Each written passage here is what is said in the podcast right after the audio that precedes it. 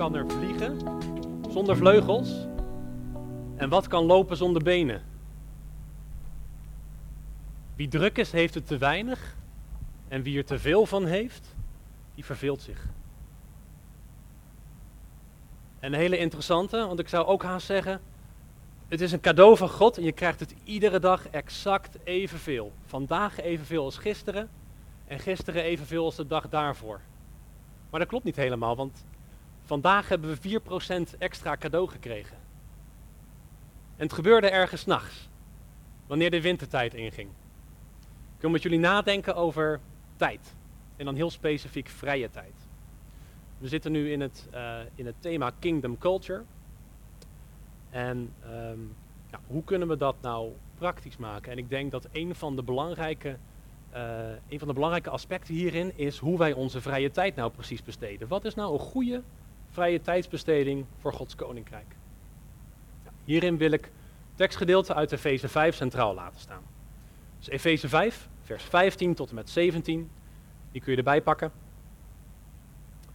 En daar staat, let er dan op dat u nauwgezet wandelt.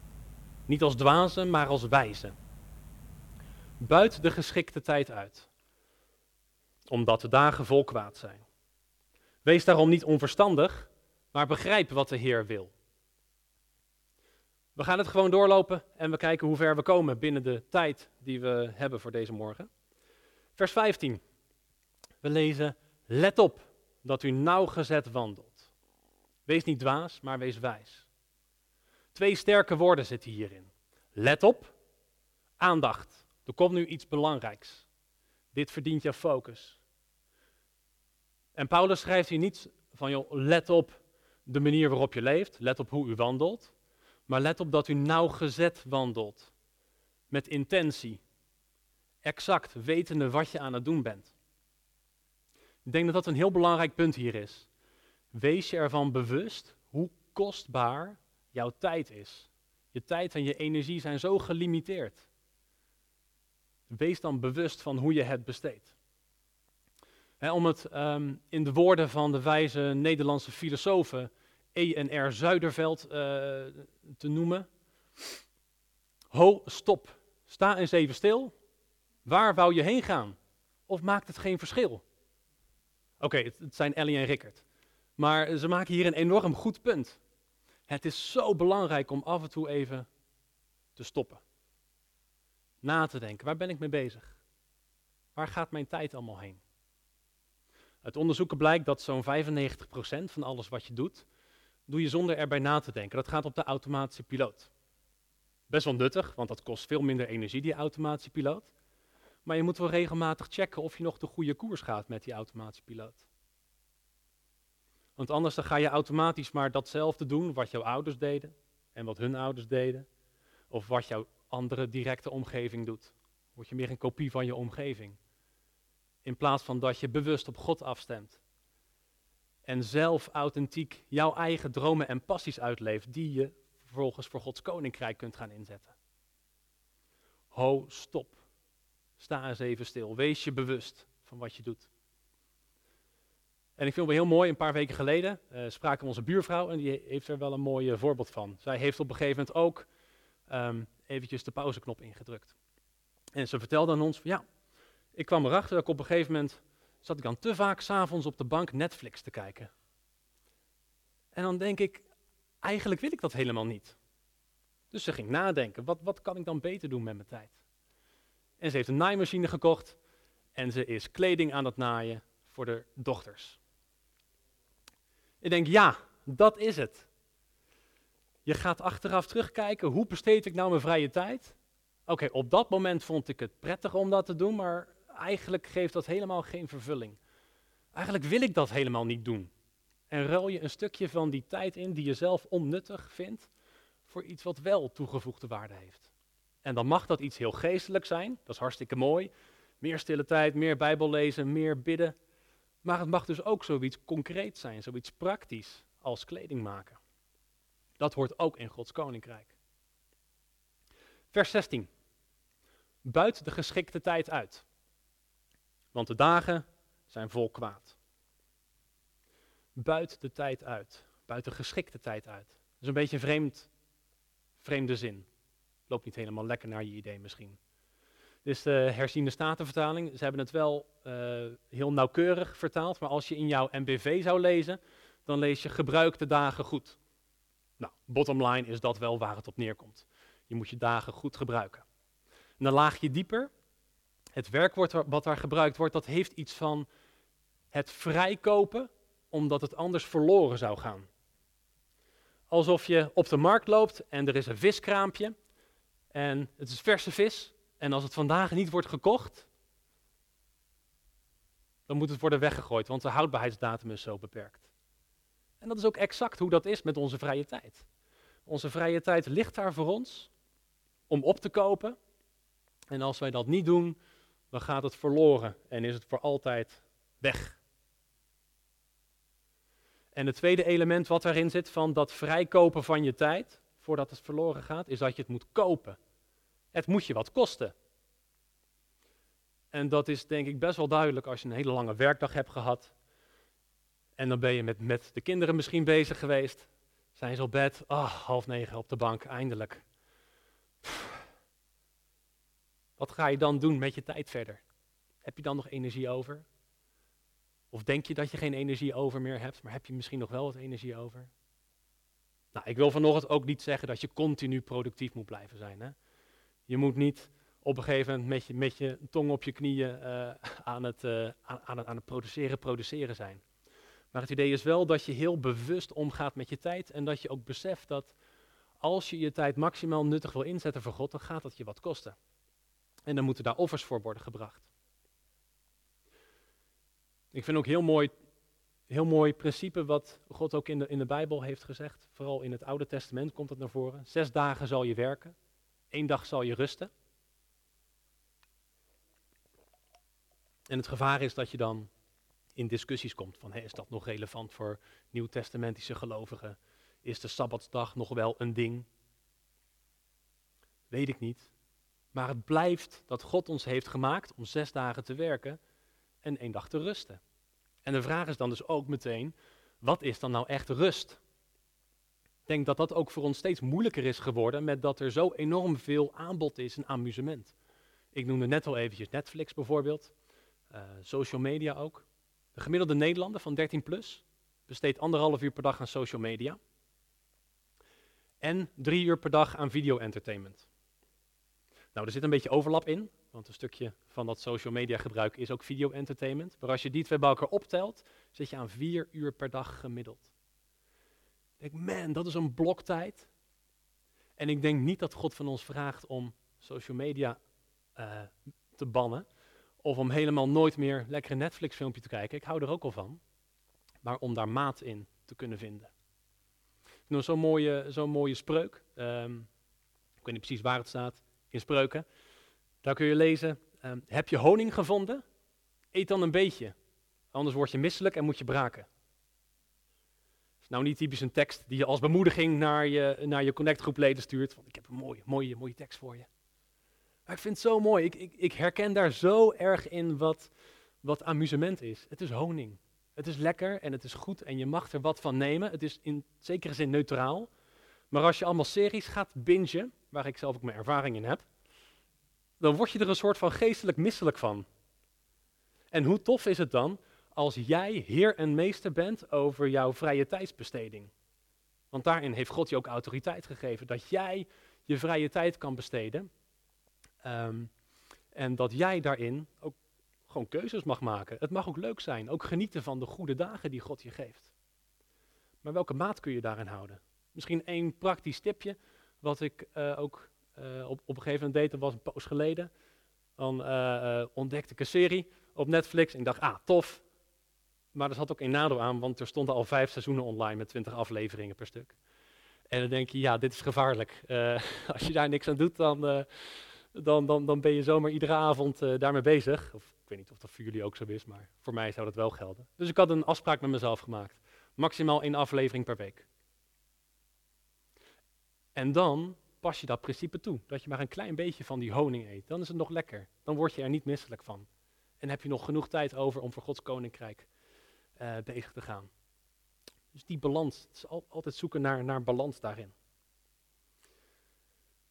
Volgende stuk. Buiten geschikte tijd uit. Wat is die geschikte tijd? Het is een seizoen. Dat is een stuk christelijk jargon. Wat is het seizoen van jouw leven? Een soort van levensfase waarin je verkeert. Wat zijn de omstandigheden die nou heel typisch zijn voor deze tijd? Nou, we leven allemaal in een coronaseizoen bijvoorbeeld. En ik denk dat het idee wat, wat Paulus hier wil overbrengen ook is, herken nou wat de omstandigheden zijn die dit een bijzonder tijdperk maken voor jou. Coronatijd is denk ik voor de meeste van ons iets negatiefs.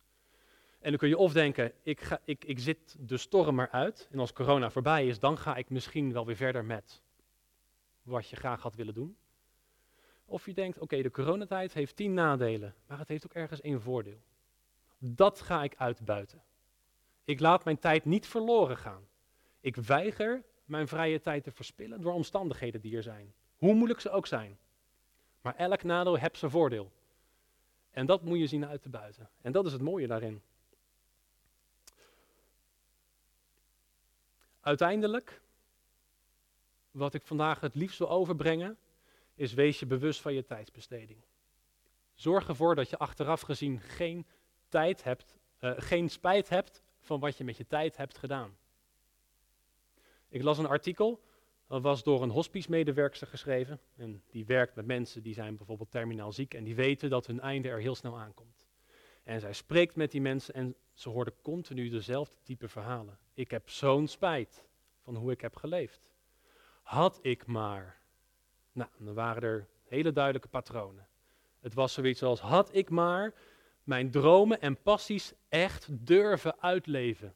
In plaats van netjes in de lijn blijven staan en gewoon te doen wat men van mij verwacht. Had ik maar niet zoveel overgewerkt om hogerop te komen. Want nu heb ik de jeugd van mijn kinderen gemist. Had ik maar prioriteit gegeven aan de belangrijke relaties, aan mijn huwelijk, aan mijn gezin, en had ik maar vriendschappen onderhouden, want nu zit ik hier en al mijn vriendschappen heb ik laten verwateren. Dat was het patroon wat ze tegenkwam.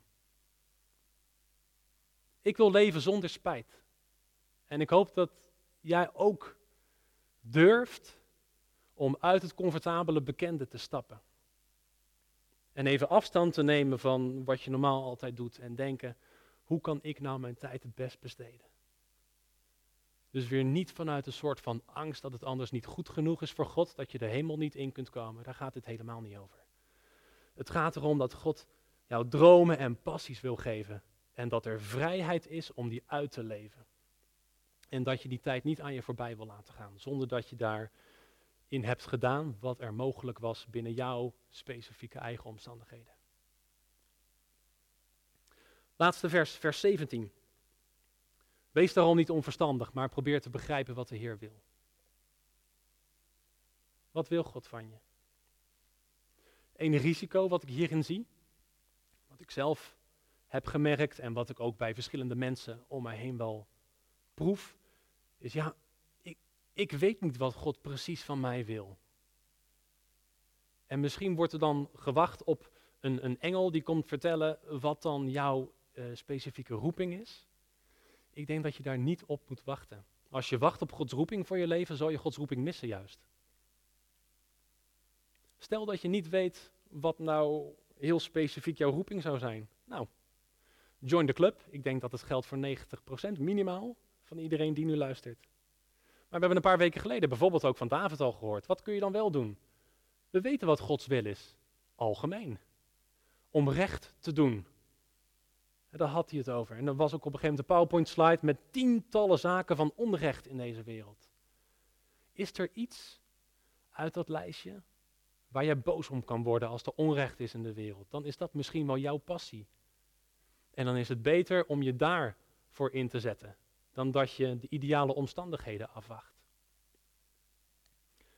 Het is echt verbazend hoeveel, hoeveel je, je nog kunt bereiken uh, met je vrije tijd als je ergens passie voor hebt, als je ergens voor gemotiveerd bent. En dat mag vanuit een totale vrede, zonder angst, omdat je zo graag voor Gods koninkrijk wil werken. En over tijd gesproken, ik denk dat het uh, stuk monoloog nu wel uh, voorbij is, want het is nu tijd voor de vragen. Dus ik ben heel erg benieuwd of jullie vragen hebben. Ook thuis natuurlijk. Stuur ze in en we zullen zien of ik daar een goede reactie op kan geven. Dankjewel. Ja, mooi. Mooi. Wel Tom voor die uh, woorden. Uh, en net wat Tom zegt, als je vragen hebt thuis, zet ze in de chat de, bij YouTube. Als je hier een vraag hebt, steek dan zo je, zo je hand op. dan, dan kunnen we de vragen mooi van elkaar behandelen. En Tom, als ik, als ik zo naar je luister, dan, dan, ja, dan is dat wel herkenbaar. Um, Lisette die zou kunnen beamen dat ik liever Mario Kart op mijn telefoon speel dan uh, de Bijbel lees.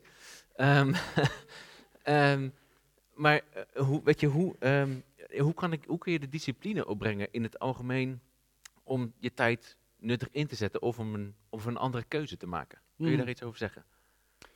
Ja, ja, ik denk dat dat een van de, een van de lastige dingen wel is.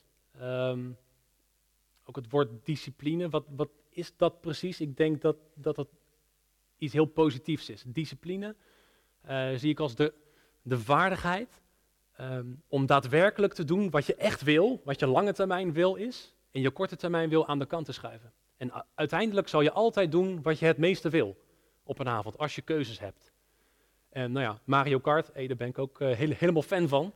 Dus ik zou ook altijd met een korte termijn blik kiezen om lekker uh, een, een spel te spelen boven Bijbel te lezen, waarvan je dan achteraf zou denken dat het beter zou zijn. Wat ik daarin uh, heel handig vind, is om niet op het moment zelf een keuze te maken, want dan ben je korte termijn gericht. Maar als je van tevoren die keuze al hebt gemaakt, van ik ga vanavond dit Bijbelboek uitlezen, om even een voorbeeldje te noemen. Ja. Ik ga dat doen, hoe ik me ook voel, hoe het ook verder tegen zit. Dan is die keuze al gemaakt dan heb je afstand tot het moment waarop je daadwerkelijk gaat doen. En dan ben je wat beter in staat om goede keuzes te maken. Dat is mijn uh, ervaring daarin. Oké, mooi.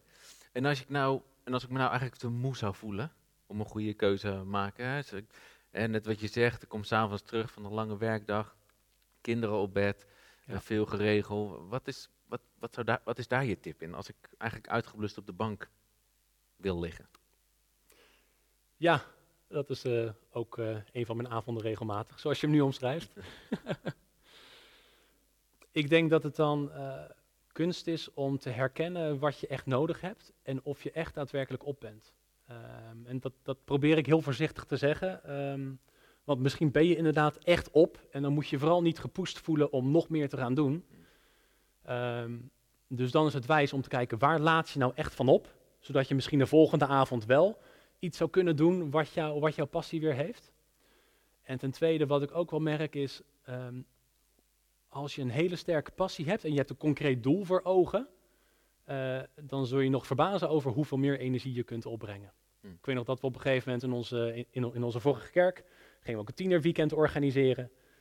Um, en dat was echt de tijd van ons leven dat we zulke brakke nachten maakten. En dan denk je, ik kan helemaal niks meer. Ik kan echt niks meer. Maar nog stiekem lukte het toch nog. Ja. En dan hielp het ook wel dat we een deadline hadden van het moet gewoon gebeuren.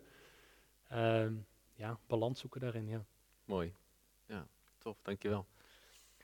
Zijn er wat vragen die, uh, die jullie willen stellen aan, uh, aan Tom? Is er iemand in de zaal die een, die een vraag heeft? Misschien heel praktisch.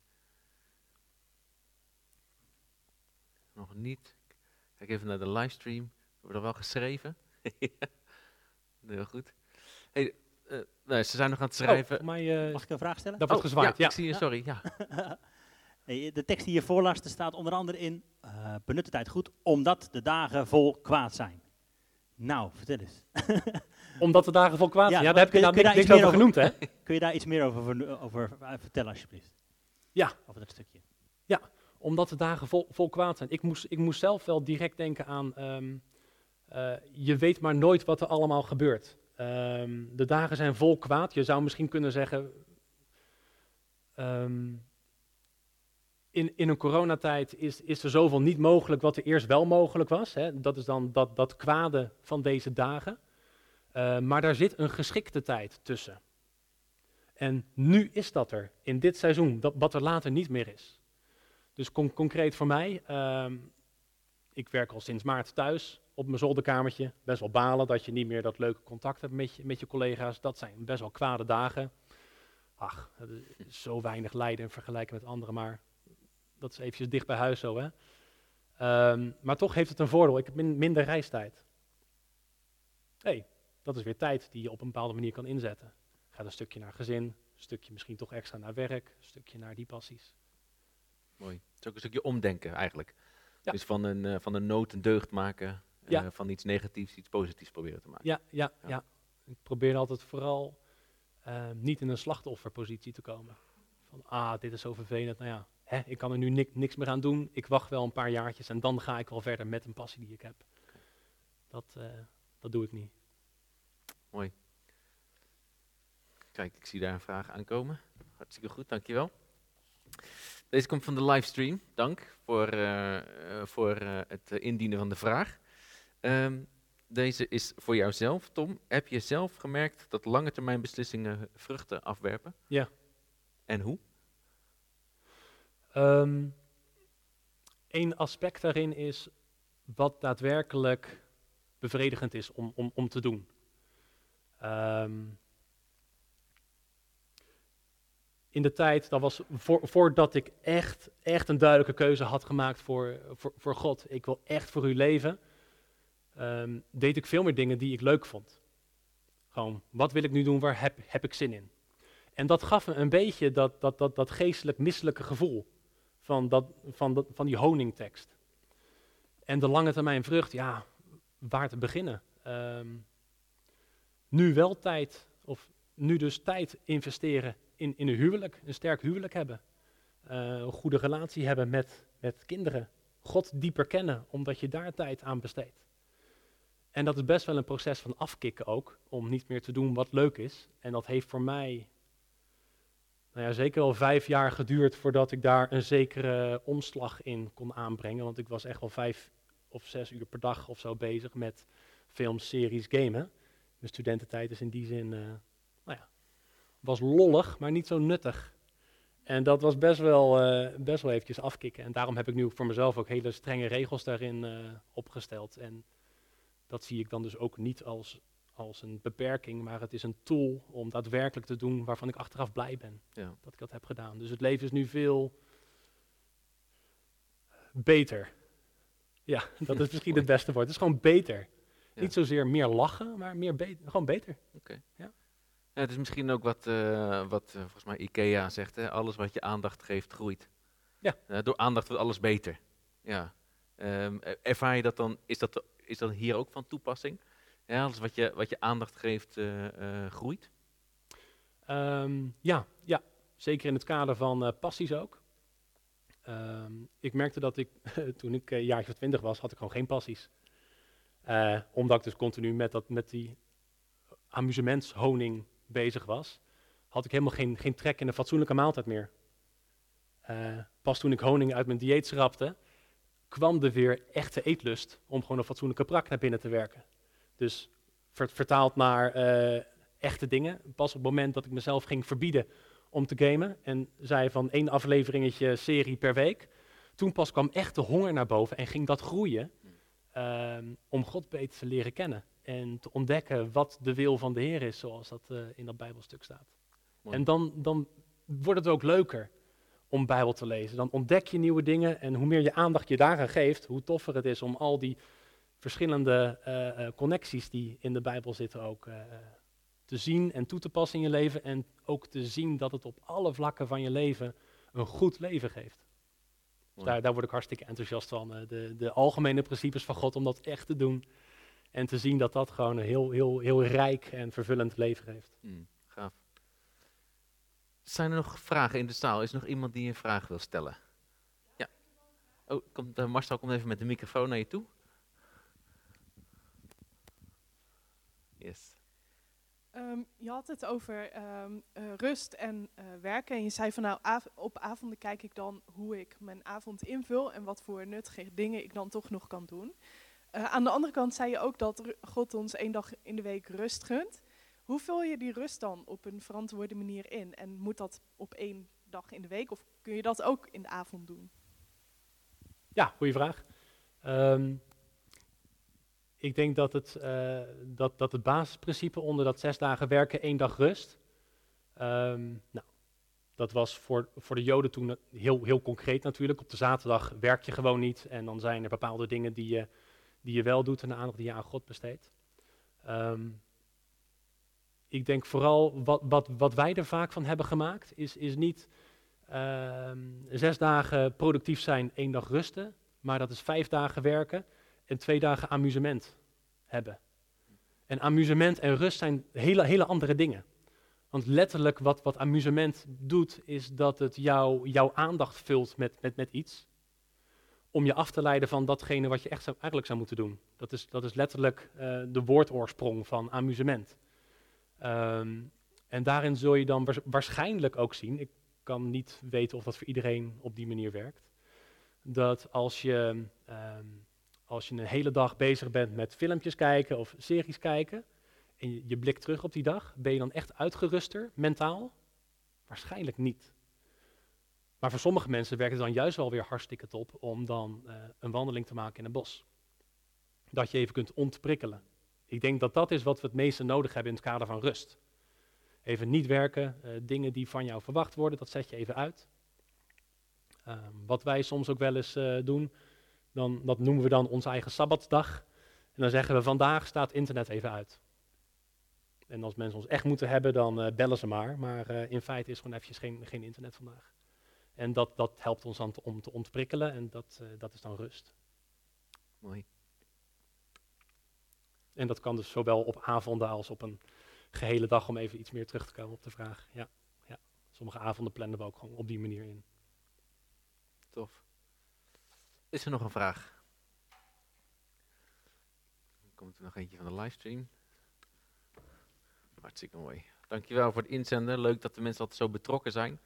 Als ik zelf thuis zit te kijken, dan uh, iedereen zit mee te chatten. Tof dat jullie ook uh, insturen. Hartstikke mooi. Um, ik heb, um, ja, ik heb hier een mooie vraag. Als je nou tijd allemaal gaat, gaat inplannen, dus als je tijd vooruit gaat plannen, hoe houd je dan ruimte voor, voor spontaniteit, voor, ja, voor, onverwachte dingen? Ja, ja. Uh, door erin vrijheid uh, te geven. Je hoeft je niet 100% aan een planning te houden. Het nut van de planning is dat je er vanaf kan wijken. Maar als je een planning hebt, dan kun je zonder onverwachte dingen je daaraan houden. Want dan heb je al een goed besluit genomen van tevoren. Ja, en dan ook de, de kunst om daar dan niet te wettisch in te zijn voor jezelf. Ik denk dat dat, uh, dat, dat, dat het, het grote nut van een planning kan zijn. Net, net als dat je voor, uh, voor bepaalde dingen ook altijd voorbereidt. Je weet wat je, ik, ik weet waar ik het over ging, ging hebben in mijn kwartiertje. Maar er moet ook ruimte zijn voor spontaniteit, voor leiding van de geest. Nou ja, dat is dus een stuk balanceren. Mooi. Heb ik, nog een, ik heb nog een laatste vraag. Um, we hebben het over kingdom culture. Hè, en uh, um, hoe, hoe, we dit, hoe die cultuur van het koninkrijk kunnen toepassen in ons eigen leven. Wat is... Um, wat is, wat is volgens jou de toepassing van kingdom culture in onze tijd? Kun je, kun je daar uh, een kort antwoord op geven? Toepassing van een kingdom culture in onze tijd. Ik denk de bewustwording van waar je, waar je mee bezig bent met je tijd. Um, en dat je bedenkt, hoe past dit in Gods koninkrijk? Dus ook het voorbeeldje wat ik noemde van kleding naaien in plaats van net Netflixen. Ik denk dat het ook in Gods koninkrijk past. Dat is ook zorgen voor je kinderen. Um, dus met, met, de, met de blik gericht op Gods koninkrijk. Gewoon alles waarin God de Heer is. Waarin Hij de koning is. Dat in je tijdsbesteding. En uitrusten is ook goed voor Gods koninkrijk. Dat uh, hoort er ook helemaal bij. Ik had trouwens ook nog een, um, een, uh, een concrete opdracht voor de, voor de komende week. Uh, die had ik ook heel graag nog wil, willen noemen. Wat je dan zou kunnen doen verder om dit nog concreter te maken, is dat je even tijd neemt om terug te blikken op de afgelopen weken. Waar heb ik mijn vrije tijd aan besteed? En ben ik er nu achteraf gezien blij mee met wat ik daarmee heb gedaan? En zo nee, sta dan weer even stil. Oh, stop, sta eens even stil. Wat ga je de komende twee weken dan doen om te uh, doen wat je daadwerkelijk wil? Hoe ga je daar weer één stapje verder in zetten? Dus dat als eh, huiswerk. Mooi. Dankjewel, Tom. Heel, eh, heel fijn om, om ja, meer te leren en, en, en ook gewoon heel praktisch toe te passen hoe kingdom culture in ons, eh, in ons dagelijks leven eh, toegepast kan worden. In zoiets simpels eigenlijk als tijd, maar zoiets kostbaars wat we, wat we hebben. En in mijn eigen leven ja, ook heel makkelijk wegvloeit in het spelen van, van videogames in plaats van mezelf misschien nuttig te maken. Hartstikke mooi. Dankjewel Tom.